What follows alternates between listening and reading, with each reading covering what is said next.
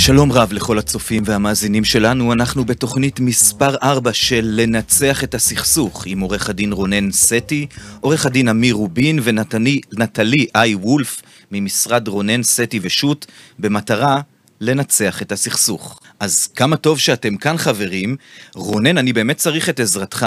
פנה אליי איזה חבר אה, אה, שהשתתף בהליך בוררות, והוא ניצח, הוא קיבל פסק דין לטובתו ממש לפני חודש, חודש וחצי, אבל הנתבע לא שילם לו סך של 150 אלף שקלים שפסקה הבוררת לטובתו. מה הוא אמור לעשות עכשיו? הצד השני הפסיד, מה הצד השני יכול לעשות? אוקיי, okay, קודם כל ברכותיי לחבר שלך. אה, שהוא הצליח, זה יותר נוח להיות בצד שמנצח מאשר בצד שמפסיד. בוודאי.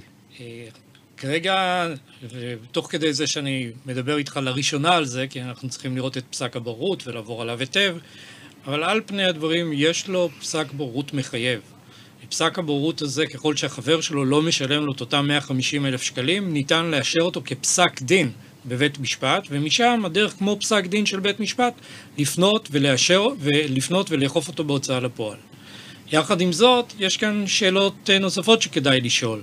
לוודא שלא היה להם הליך ערעור על פסק הבורות, הם לא הסכימו מראש על הליך ערעור, כי אז קודם כל יש אפשרות למצות את הערעור, אה, וגם כמובן לקחת בחשבון אפשרות שמישהו יכול לנסות ולבטל את פסק הבוררות, אה, דבר שאנחנו מקווים שלא יקרה, בדרך כלל קורה רק במקרים יוצאי דופן. אבל סך הכל החבר שלך נמצא על דרך המלך.